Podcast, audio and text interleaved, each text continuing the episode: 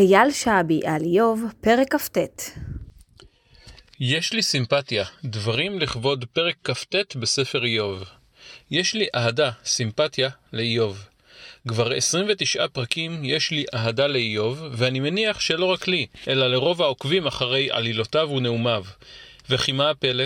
בתחילת הספר הילל אותו הכתוב, והיה האיש ההוא תם וישר, וירא אלוהים ושר מרע.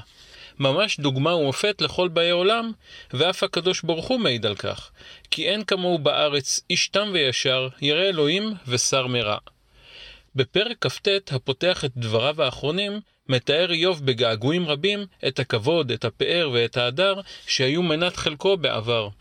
איוב מתאר גם את החסד שעשה עם כל מי שלא שפר עליו גורלו. כל אלו מהווים עדות נפלאה מדוע זכה איוב להיות חביבו של ריבונו של עולם. אני ממשיך לקרוא בצער בפרק כ"ט על כל מה שאיבד איוב, אך לפתע מתחילים להיווצר סדקים בתמונה המושלמת.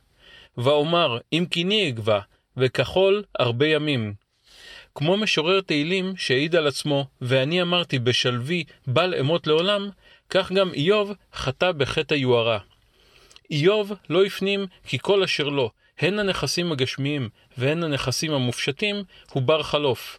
הוא אמנם העלה עולות אחרי כל משתה שקיימו בניו ובנותיו, אך ככל הנראה איוב עשה זאת בבחינת לא יועיל, לא יזיק. נראה שאיוב לא העלה בדעתו באמת ובתמים, כי כל הטוב עלול להתפוגג. ממשיך לקרוא, ומוצא עוד צדק, גדול אף יותר. לי שמעו וייחלו, וידמו למו עצתי. אחרי דבריי לא ישנו, ועלמו תיטוף מילתי. אדם שכל מילה שלו היא סוף פסוק, אדם שאינו נותן פתחון פה לזולתו, אדם שאין לערער על דבריו, הוא ההפך הגמור מגישתו של בן זומה. איזה הוא חכם?